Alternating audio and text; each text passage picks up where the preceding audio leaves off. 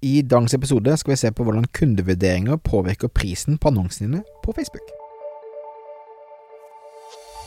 Stadig flere små bedrifter i Norge oppdager at med riktig markedsføring kan man utfordre de store, tradisjonelle bedriftene. At ved å ha fokus på å bygge gode relasjoner og opparbeide seg tillit, kan små bedrifter oppnå store ting. Velkommen til podkasten 'Suksess med Facebook-annonsering'.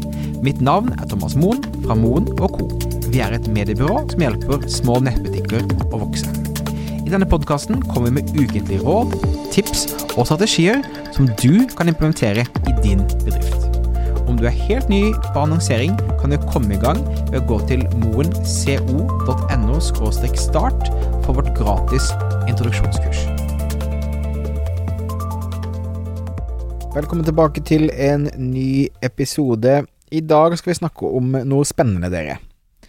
Facebook har en stund uh, har gitt kundene dine muligheten til å vurdere selve handelen hos deg på Facebook.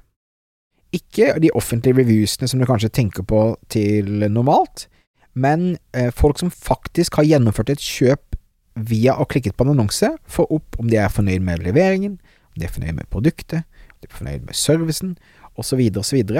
Og disse tingene her påvirker prisen på Facebook-annonsene dine. Så dette er noe som absolutt er verdt å følge med på, og verdt å bruke litt tid på. Eh, Facebook beskriver denne funksjonen på følgende måte. Facebooks annonse- og handelsplattformer er utformet for å skape mest mulig verdi for folk og bedrifter. Derfor samler vi inn tilbakemeldinger for folk som handler i Facebook-produktene, inkludert Instagram og Audience Network. Tilbakemeldingene som samles inn, er ment for å hjelpe deg med å få bedre forståelse av hvor godt bedriften din imøtekommer kundenes forventninger, og de skal gjøre det enklere å forstå kundens opplevelser med bedrifter.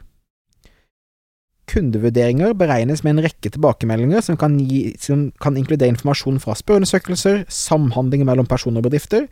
Disse opplevelsene påvirker til slutt kundevurderingene en side mottar, noe som igjen kan påvirke din mulighet til å annonsere på Facebook. Så det Facebook sier, er at det kan påvirkes på følgende måter. Det kan påvirkes med at man ikke får lov til å annonsere, eller at annonsene blir uh, for dyre. Og det kan også i verste tilfelle føre til at du får annonsekontoen din eller businessmanageren din stengt. Og måten du kan se din kundevurderingsscore, som er da fra, fra 0 til 5 poeng, er med å gå på facebook.com account quality. Og jeg linker også selvfølgelig til dette i shownotes. Men da vil du rett og slett få bare en, en oversikt over kvaliteten Facebook mener at din bedrift holder. Så eh, det er noe du bør bygge inn i rutinene til er innom og se på hele tiden, den kontokvaliteten. Eh, og det de sier er også at hvis eh, vurderingene faller ned til tre eller lavere, så får du en varsel via Facebook og en varsel via e-post, og samt av hva slags begrensninger som er puttet på kontoen din. Så det Facebook sier, er at vi har noen anbefalte råd eh, for å oppfylle kundens forventninger. Så de sier én, vær tydelig på hva du selger eller tilbyr. Så bilder, video og annonsemateriell må gjenspeile det du selger på en korrekt måte. Så de sier blant annet at hvis du selger klær, sørg for at størrelsestabellen du bruker også fungerer i andre land som du selger til. Hvis varene sendes direkte fra leverandøren din, sørg for at det er god kvalitetskontroll osv. Men det å være tydelig på hva du selger eller tilbyr, er altså det, en av de viktigste tingene, sier Facebook. Så sier Facebook oppgi tydelige forventninger om leveringstid. Det skal oppgis korrekt leveringstid fra dør til dør. Leveringsinformasjonen du oppgir skal inkludere behandlingstid, produktets tilgjengelighet, leveringskostnader eller andre faktorer som kan påvirke hvor lang tid det tar å sende varen. Eh, hvis det er mulig, må du oppgi sporingsinformasjon om forsendelsen, slik at kunden kan spore pakkene. Men det er altså eh, en viktig faktor her eh, på leveringstid. Så har de råd nummer tre, oppgi tydelige forventninger om kundeservice. Følg retningslinjer for retur og bytte, som du oppgir på nettstedet ditt. Er du en annen tidssone enn kundene dine, må du være tydelig på hvor lang tid det tar å svare kundene på, dere, på dine, deres kundehenvendelser. Og siste, sørg for at du kan oppfylle kundenes behov.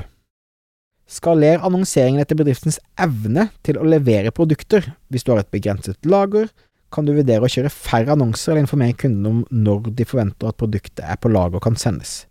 Vær proaktiv og ærlig med kundene dine. Hvis du, kan, hvis du ikke kan holde det du har lovet, så må du gi beskjed for å styre forventningene hvis du går tom for en vare eller tar lengre tid å erstatte bestillingen osv. Så, videre.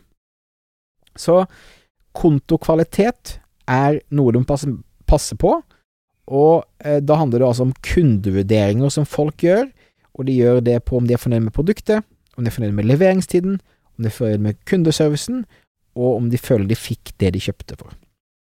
Så igjen handler det om å være en, en god nettbutikk og ha fokus på god service og, gjøre det man sier, eh, men dette er altså et verktøy Facebook bruker for å luke bort de som ikke gjør dette på en seriøs og god måte. Jeg synes dette er kjempepositivt, men det stiller også da selvfølgelig mye hardere krav til deg som selger ting via annonser.